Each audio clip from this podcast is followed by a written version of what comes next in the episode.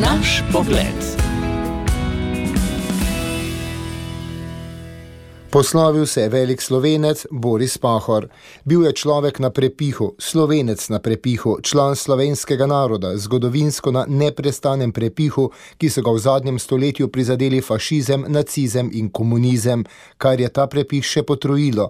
Pahorjevo življenje, kot življenje mnogih drugih, je bilo zaznamovano z vsemi travmami, ki so v tem času prizadele slovence. Ob njegovem odhodu v večnost lahko rečemo, da je umrl velik slovenec, prepričan demokrat in za duhovno plemenitost zauzet človek. Tako je o Borisu Pahorju na portalu domovina.je zapisal profesor dr. Andrej Fink. Poslovil se je na dan, ko je v državnem zboru potekalo zaslišanje Dominike Švarc-Pipan, kandidatke za pravosodno ministrico. V razpravi je med drugim dejala, da Rdeča zvezda ni simbol komunizma, ampak simbol narodno-osvobodilnega boja, kot da bi se ponorčevala iz spokojnega pahorja, ki je trpel pod vsemi tremi totalitarizmi, tudi komunizmom, ki so ga številni mediji včeraj pri objavljanju novice o njegovi smrti spregledali. Boris Pahor je bil, kot pišejo na portalu Nova 24 TV, v nemilosti komunističnega režima vse življenje. Udba pa je spremljala prav vsak njegov korak in ga šikanirala.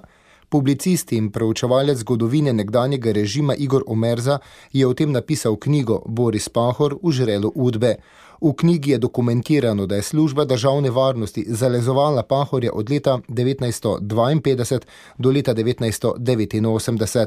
Izvajala je tajne preiskave v njegovi hiši v Trstu, v Dutovljah in v hiši njegove sestre v Trstu. V hiši v Trstu mu je nastavila tudi skrite mikrofone, nadzirala njegovo pošto in prisluškovala telefonu.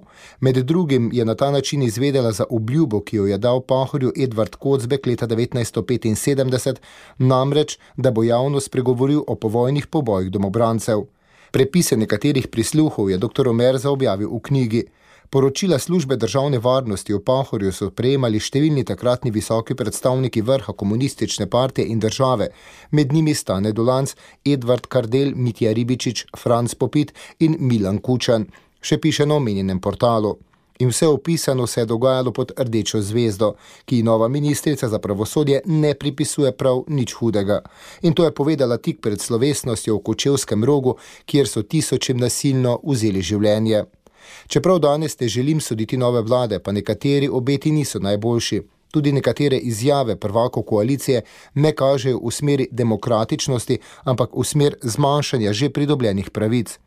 Kot so zapisali slovenski škofje, je bil Boris Pahor pomemben pričevalec 20. stoletja, ki je preko svojega literarnega ustvarjanja opozoril na grozote vseh treh totalitarizmov.